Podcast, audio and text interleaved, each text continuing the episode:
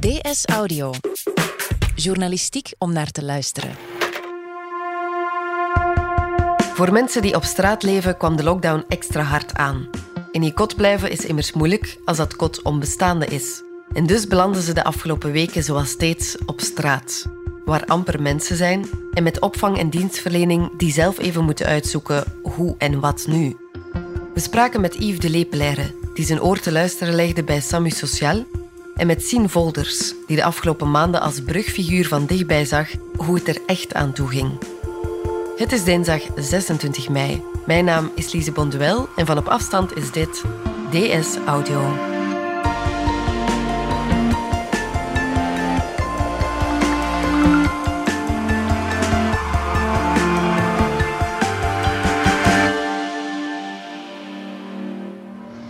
Ik ben Siem Volders, ik woon in Gent en sinds begin dit jaar eh, ben ik aan de slag als brugfiguur voor daklozen. Dat is een positie waarin dat je als hulpverlener outreachend te werk gaat. En ehm, dat betekent dat, dat ik eh, werk in de vindplaatsen. En de vindplaatsen zijn dan specifiek de, de inloopcentra in Gent. Een inloopcentrum is een, is een ontmoetingsplaats die, eh, die zeer laagdrempelig is. Dat is een plaats waar eh, koffie en thee en, eh, en, en water is, waar ook soep is. Twee keer op een dag, eh, soms ook warme maaltijden.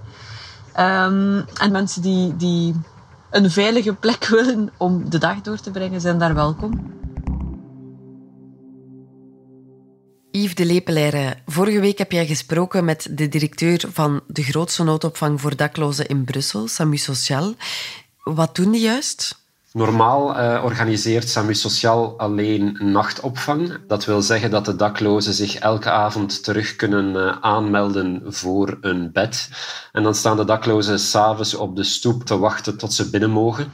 De manier waarop dat er nu in Vlaanderen en België wordt omgegaan met daklozen is nog altijd heel sterk gericht op noodopvang. Dat betekent dat zij s'avonds en s'nachts terecht kunnen in, in nachtopvang. En daar is een inbelsysteem voor. En dat betekent dat iedereen wel in principe een plaats zou hebben, maar dan merk je toch dat daar tekorten zijn. Er zijn alle dagen wel mensen die buiten slapen. En overdag kan je dan als dakloze of, of iemand die niet in zijn eigen huis kan, uh, kan je terecht in die inloopcentra. En ook daar merk je dat dat een beperkte plaats is. Ik heb dat nooit meegemaakt in een inloopcentrum, dat er iemand de deur geweigerd is, voor coronatijden. Maar bijvoorbeeld in Gent hebben wij twee inloopcentra. En voor corona was er al die dreiging na de besparingen van vorig jaar dat een van die twee uh, inloopcentra zou moeten sluiten. Dus dat betekent dat dat een systeem is van mensen onder heel grote druk, dat sowieso al uh, zwaar belast wordt. En dat is met corona alleen maar uh, zwaarder geworden. Nu, tijdens deze coronacrisis heeft SAMU Sociaal ook uitzonderlijk de opvang dag en nacht opengesteld, omdat ze op die manier natuurlijk wilden vermijden dat de daklozen ja, gedwongen waren om de hele dag ook op straat door te brengen. Mm In je artikel hierover zei die directeur dat daklozencentra een broeihard zijn voor besmettingen. Wat bedoelt hij daarmee? Waarom is dat zo? Wel, in de twee opvangcentra van Samu Social uh, bleken tot uh, 20% van de dakloze bewoners daar besmet te zijn met COVID-19. Wat erop wijst dat er vooral in het begin van de epidemie, in de eerste weken, daar toch een cluster van besmettingen moet zijn geweest, waarbij de bewoners elkaar hebben besmet, want er waren niet zoveel positieve gevallen onder het personeel. Dat heeft er natuurlijk mee te maken dat het ook niet zo eenvoudig is in die dakloze centra om de afstands- en hygiënemaatregelen te respecteren. Je moet weten dat die mensen daar doorgaans met verschillende mensen op één kamer slapen, ook in een stapelbed. In een stapelbed kan je moeilijk anderhalve meter afstand houden en is het dus ook moeilijk om die hygiëne- en afstandsmaatregelen te respecteren. Ja, dat afstand houden is moeilijk, maar hoe zit dat bijvoorbeeld met testen? Gebeurt dat in die opvangcentra? De directeur van SAMU Sociaal die was al van in het begin, van begin april, vragende partij om de bewoners en het personeel te testen. Maar zoals dat ook voor de rest van de bevolking het probleem was, uh, was dat in het begin niet mogelijk. Was er gewoon niet genoeg testcapaciteit. Nu, sinds een viertal weken is de NGO Dokters van de Wereld alle centra in Brussel aan het testen. Dat gaat zelfs ook over tijdelijke opvang in hotels. Ook in een opvangcentrum van het Burgerplatform voor Vluchtelingen. Dokters van de Wereld wil daarvoor zelfs ook naar kraakpanden gaan in allerlei collectiviteiten waar ze die kwetsbare daklozen terugvinden. En zij hebben daarvoor ook tests gekregen, enerzijds via het eh, federaal platform, het hele systeem dat ook is uitgerold naar de triagecentra voor de bevolking. En anderzijds ook blijkbaar via labo's, via het Brussels gewest. Dus zij zijn nu volop bezig met die testen. En die testresultaten die sijpelen nu binnen. Ja, en wat wordt er gedaan om daklozen te bereiken en op de hoogte te stellen van de maatregelen? Wel, ook samen met Dokters van de Wereld heeft SAMU Sociaal wel veel geïnvesteerd in gezondheidspromotie in de centra. Dus ze hebben aan die daklozen toch wel ja, zo goed mogelijk duidelijk gemaakt wat die regels zijn. Dat ze ook regelmatig hun handen moeten wassen. Aan bewoners zijn ook eh, mondmaskers uitgedeeld indien dat nodig was. En die directeur vertelde mij dat het wel goed loopt, maar dat dat tijd heeft gekost om toch ook aan de mensen duidelijk te maken hoe ze zich moesten gedragen. En dat heeft ermee te maken dat COVID-19 is voor de meeste daklozen niet hun eerste bekommernis en niet hun grootste zorg. Zij leven dikwijls al jaren op straat, zijn gehard door het leven op straat, hebben vaak de instelling van ach, corona, dat zullen we ook wel overleven. En hun grootste bezorgdheid gaat natuurlijk uit naar het vinden van eten, het vinden van geld om eten te kopen of sigaretten te kopen of eventueel alcohol te kopen. Want veel van die daklozen hebben natuurlijk ook wel een verslaving.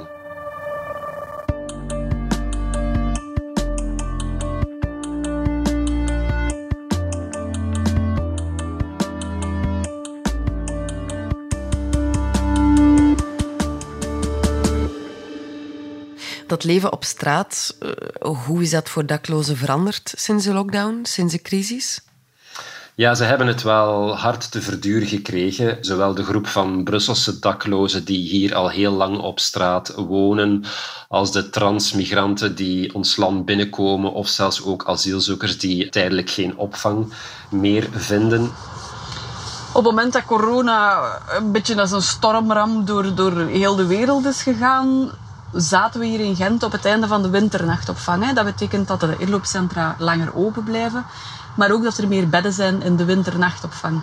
Op het moment dat corona losbreekt, ehm, betekent dat dat er noodzakelijk naar een eenpersoonskamerpolitiek uh, wordt gegaan en een nachtopvang. En dat betekent dat die, die capaciteit echt volledig keldert. Hè. Als je maar één persoon per kamer kunt hebben, terwijl dat normaal gezien slaapzalen zijn van 12 man, dan is dat immens hoeveel capaciteitsverlies dat je hebt.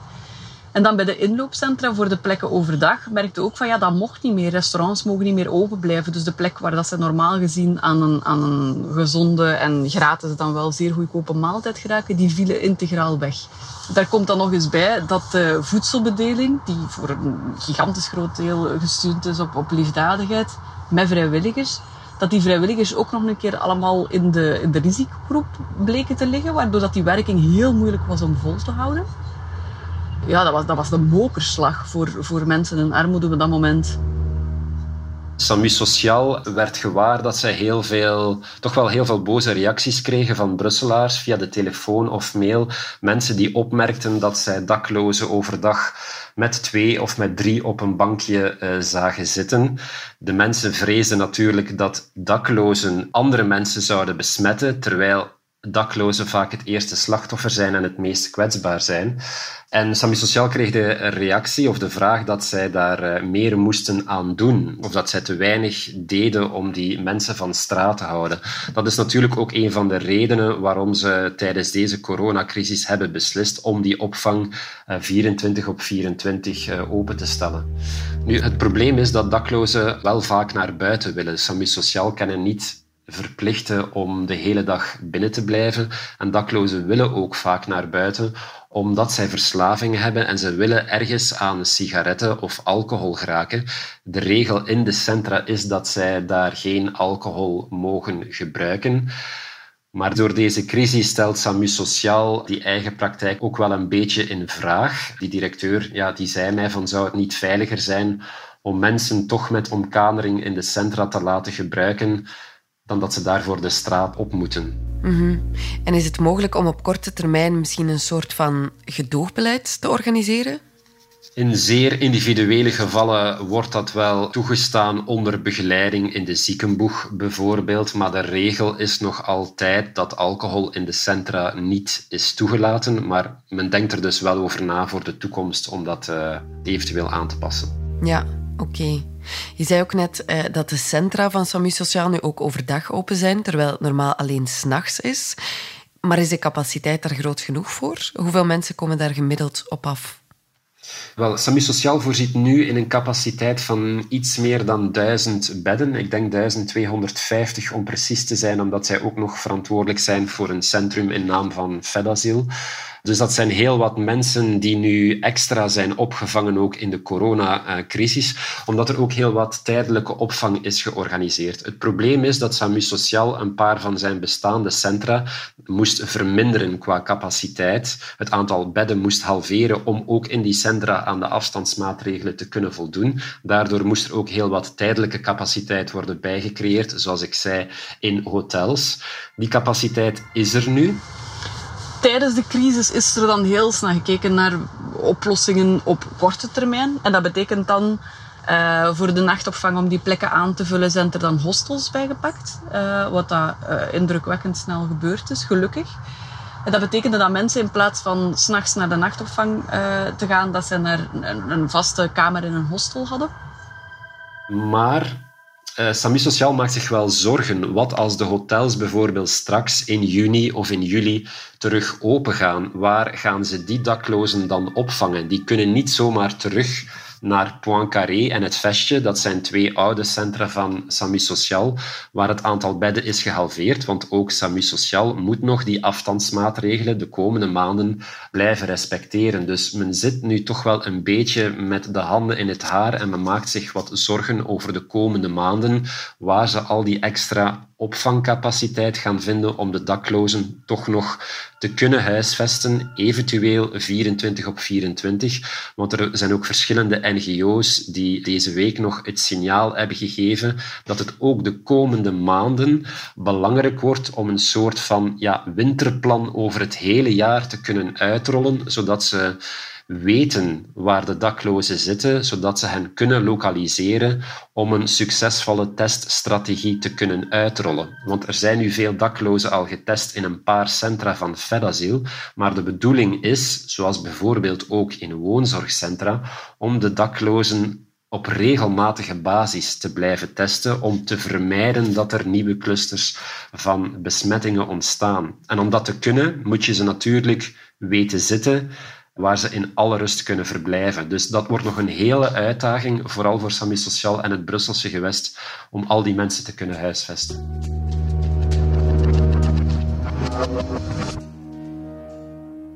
En de vrees blijft natuurlijk dat op die plekken waar mensen noodgedwongen moeten samenkomen, de kans op besmetting groot is.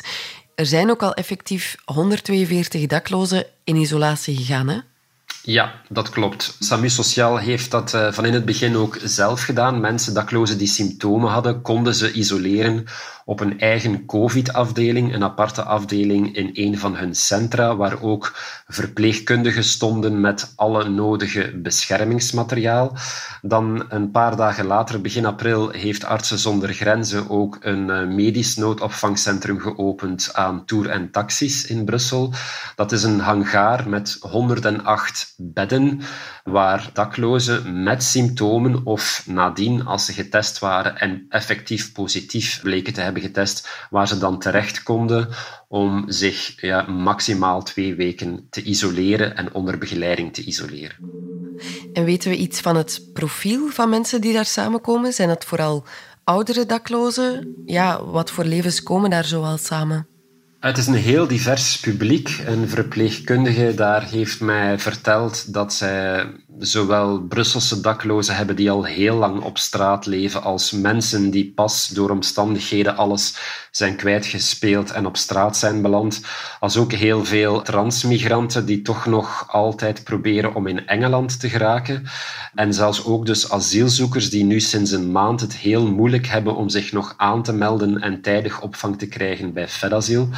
Als het gaat over de leeftijd, uh, heeft de verpleegkundige mij daar ook gezegd dat dat zeer uiteenlopend is, vooral van 18 tot 65 jaar. Na de testing in uh, sommige centra hebben ze ook wel wat oudere mensen gekregen. Ik denk dat de oudste zelfs uh, 85 jaar was.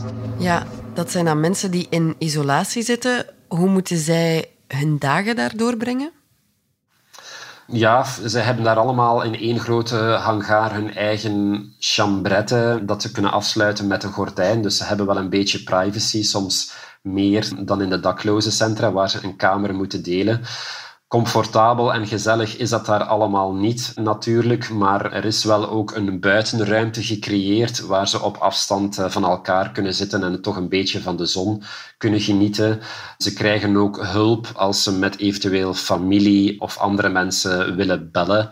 Dan worden er soms tablets of telefoons eh, uitgeleend. Maar ja, voor de rest is het natuurlijk voor hen daar een beetje de tijd doorbrengen in verveling en wachten tot ze daar terug eh, weg kunnen.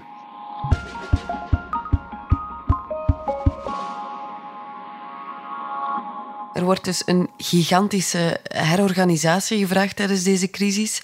Was dat überhaupt al nodig? De crisis heeft SAMU Sociaal geleerd dat zij toch wel voor een aantal grote nieuwe uitdagingen staan. De directeur vertelde mij dat ze de opvang helemaal zullen moeten herdenken. Het probleem is dat zij heel veel oude gebouwen hebben die al vervallen zijn en die eigenlijk ook nooit bedoeld waren voor de opvang van mensen, maar eerder als kantoorgebouw. Daardoor is het ook heel moeilijk om die hygiënemaatregelen daar 100% door te voeren. De directeur vertelde mij ook, er wordt heel veel geïnvesteerd in het onderhoud en zeker nu in de schoonmaak van de centra. Maar de lat moet hoger en dat is heel moeilijk in oude vervallen centra. Vorig jaar bijvoorbeeld in Poincaré hebben ze het centrum ook even moeten ontruimen omdat uh, ze daar last hadden van bedwansen. Dus de directeur van SAMU Sociaal die droomt toch wel van modernere centra waar die hygiënemaatregelen beter kunnen worden gerespecteerd. Misschien is dat mijn manier om om, om te gaan met, met een heel nieuwe en moeilijke situatie. Maar wat dat heel hard blijft hangen in deze periode is wel het gevoel dat er ergens iets te gronden positief aan het veranderen is. Zowel in de aandacht die dat er uh, plots heel hard is, in de zichtbaarheid van het probleem, maar ook in de manier waarop dat er samen is gewerkt. Als de, de inloopcentra terug open zijn gegaan tijdens de coronacrisis, uh, werd er rondgevraagd, zowel bij het OCMW als CAW, bij de, bij de medewerkers die hun gewone dienstverlening niet meer konden volhouden omdat zij hun cliënten niet mochten ontvangen op kantoor. Of dat zij in plaats van technische werkloosheid, of dat ze daar uh, wilden komen meedraaien. En daardoor heb je eigenlijk een heel unieke samenwerking gehad tussen OCMW en CAW-medewerkers die normaal gezien cliënten ontvangen in hun bureau of telefonisch. Die daar plots in die inloopcentra werken en die daar koffie staan te maken en soep staan te mixen. Terwijl dat de doelgroep die altijd in het inloopcentrum zit, gewoon daar elke dag langskomt. En straathoekwerken en brugteam is dan gewoon een normale werking blijven doordoen. Maar van het moment dat die nieuwe werking is opgestart, merkte plots dat dienstverleners veel dichter bij de doelgroep staan dan dat dat ooit geweest is. Dat werkt wel zeer goed. Dat maakt dienstverlening zeer, en hulpverlening zeer laagdrempelig. En dat is iets dat, dat zeker voor die doelgroep echt wel keer op keer bewezen is dat dat werkt in grote studies als ze kijken naar outreachend werk. Maar plots wordt dat daar in de praktijk gegooid, gegooid, volledig zonder enige voorbereiding, want dat was niet eenmaal zo. En dan blijkt dat ook dat iedereen die dat gedaan heeft, iedereen die daarin heeft gestaan, ziet ook direct dat dat werkt. Dus je hebt daar plots een heel groot traagvlak voor. Ze voelt het alleszins. Een van de dingen die heel frappant zijn tijdens de coronacrisis is dat dakloosheid nog nooit zo zichtbaar is geweest. Op het moment dat iedereen binnen zat in zijn eigen huis als ze een huis hadden, viel dat op dat die mensen daar nu eenmaal zijn. En dan valt tegelijkertijd ook heel hard op dat dat een wezenlijk deel van onze maatschappij is. Die mensen verdwijnen niet omdat je niet wilt dat die er zijn. En dan weet je ook van ja, je kunt daarop blijven besparen, maar dat gaat het probleem niet oplossen. Dus dan is het tijd, nu dat dat zo zichtbaar is, om daar een keer over samen te zitten en met mensen in het veld te kijken van wat werkt het best? Wat is het meest haalbaar? Wat is de beste aanpak om daar op een zo menswaardige manier mee om te gaan, die economisch ook gedraaglijk is? De directeur van Sami Sociaal die droomt eigenlijk echt vooral van nieuwe gebouwen, moderne opvangfaciliteiten, zoals jeugdherbergen waar de daklozen dan kunnen worden gehuisvest. Daarvoor zullen nieuwe gebouwen moeten worden gezocht. Maar die mirakeloplossing is nog lang niet in zicht die hele coronacrisis toont op, op korte termijn zeker aan wat dat, wat dat de grote pijnpunten zijn. Hè. Omgaan met uw zwakste groepen onder de daklozen. En zeker ook het feit dat iedereen al op zijn tandvlees zat. En dat daar absoluut structureel naar gekeken moet worden om dat anders aan te pakken. Maar ik vind dat heel indrukwekkend hoe dat, dat gedaan is, hoe dat, dat gelopen is, hoe dat straathoekwerkers blijven werken, hoe dat de nachtopvang gigantisch hun best is blijven doen. Um, hoe dat CMW en CAW plots naast elkaar werken en dat er ook onderling bij alle verschillende armoedeverenigingen, dat er in ene keer plots één stem is die gebruikt kan worden om een beleid mee te bepalen.